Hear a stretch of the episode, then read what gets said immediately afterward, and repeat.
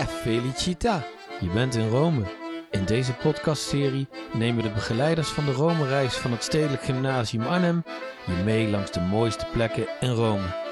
Dit is aflevering 13, de Zuil van Trajanus. Ik ben Frank van der Rolst en ik sta hier met Benedict Bouwman op de Via Panisperna. Benedict, waarom zijn we hier in deze straat?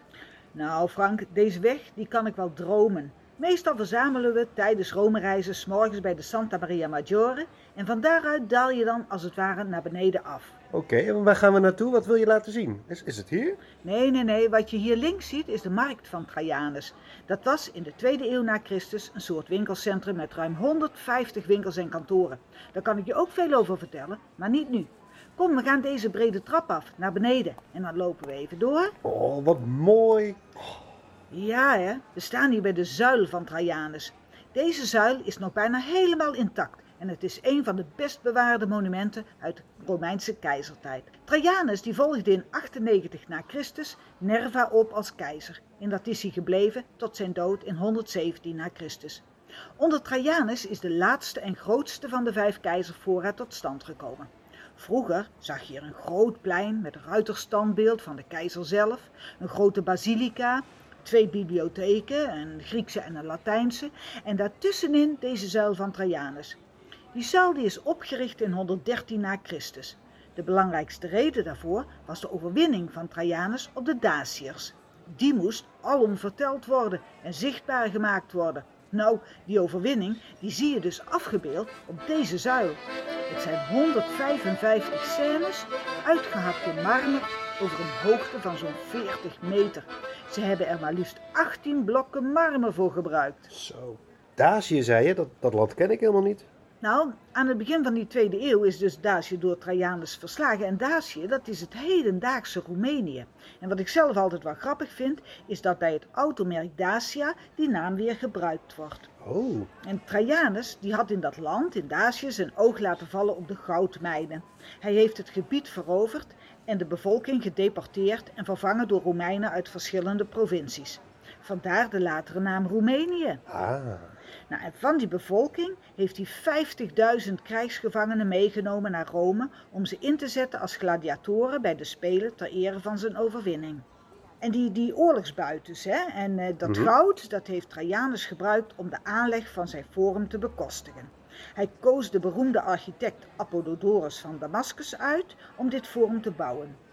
Op die sokkel van die zuil, hè, als je naar beneden kijkt, dan Ja. vind je een inscriptie en die vertelt dat de hoogte van de zuil, bijna 40 meter, ook precies de hoogte is van de hoeveelheid grond die afgegraven is van de Quirinaal, de ah. hoogste heuvel van Rome.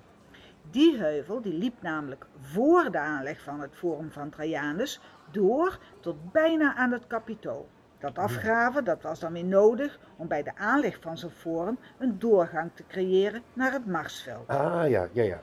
hey, maar je had het net over bibliotheken. Stonden die om de zaal heen? Of hoe moet Nou, ik dat zien?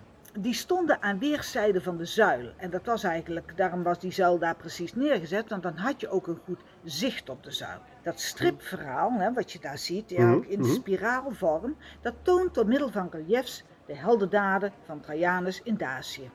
Op het voetstuk van de zuil zie je krijgstrofeeën, buitgemaakte wapens en ook de stroomgod van de Donau. En boven de deur daar beneden zie je twee zegengodinnen met de Ja. inscriptie hoe hoog de berg was die met zoveel moeite is afgegraven. Ah. Dat staat daar dus in Ja, de ja. inscriptie. En in die sokkel, in dat voetstuk, daar is na zijn dood een gouden urn geplaatst met de as van Trajanus. Maar dat was tijdelijk. En eh, bovenop, kijk ze helemaal naar boven, bovenop Ja. die zuil, Ja, zie je ja, daar staat een beeld van de apostel Petrus. Maar dat beeld dat is pas in de 16e eeuw daar geplaatst, in opdracht van paus Sixtus V. Voordien stond er een verguld bronzen beeld van Trajanus bovenop.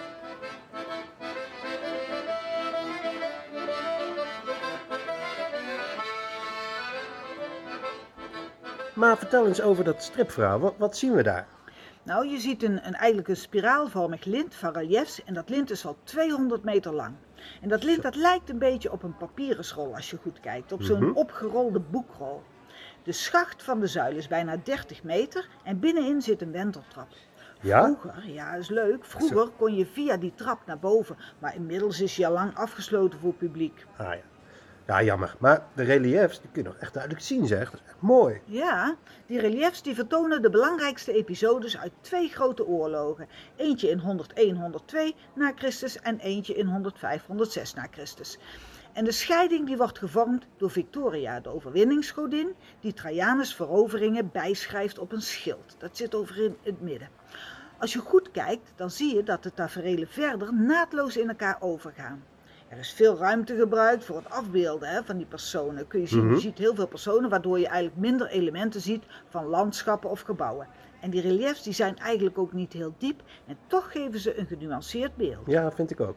Maar gaat het stripverhaal alleen maar over, over die oorlogen die je net noemde? Nee, je ziet ook andere informatie. Want zo zit er naast strijdtaferelen, zie je ook afbeeldingen ertussen van het aanleggen van een weg of de bouw van een legerkamp. Er wordt bijvoorbeeld ook uitgebeeld hoe je met behulp van een schipbrug, allemaal schepen naast elkaar gelegd, de Donau oversteekt. Ik zie het, ja. Ja, en je ziet eh, toespraken van Trajanus tot zijn troepen en je ziet offerandes van dieren voorafgaand aan een aanval. En naast die veldslagen zie je ook belegeringen en de capitulaties die uitgebeeld zijn en het maken van krijgsgevangenen. De Dacische vijand die komt regelmatig terug in die afbeeldingen en dan vooral natuurlijk hun leider Decebalus.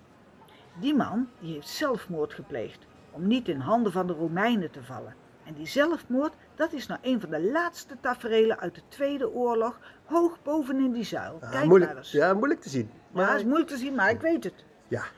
Trajanus zelf, die komt wel zo'n 70 keer in beeld in allerlei bezigheden. Nou, een betere vorm van propaganda kun je niet hebben. Nee, dat klopt. Hey, maar om dat stripverhaal goed te lezen zou je dus eigenlijk rond de zaal moeten lopen steeds. Ja, want door die spiraalvorm is het inderdaad niet mogelijk om alles in één keer te aanschouwen. Maar dat maakte voor Trajanus niet uit. Het kostbare marmer, de decoratie en de imposante grootte van die zuil, die maakten al diepe indruk op de Romeinen. En er wordt gezegd dat de taferelen in verticale lijn, gezien vanuit één punt, ook weer op elkaar afgestemd zijn. Oh, echt? Nou, wat mooi. Geweldig om te horen. Nou, Benedict, dankjewel dat je ons hebt meegenomen naar je favoriete plek. Graag gedaan. Dit waren Benedict Bouwman en Frank van der Rols vanuit Rome. Geniet van je reis en luister ook naar de andere afleveringen van deze podcastserie.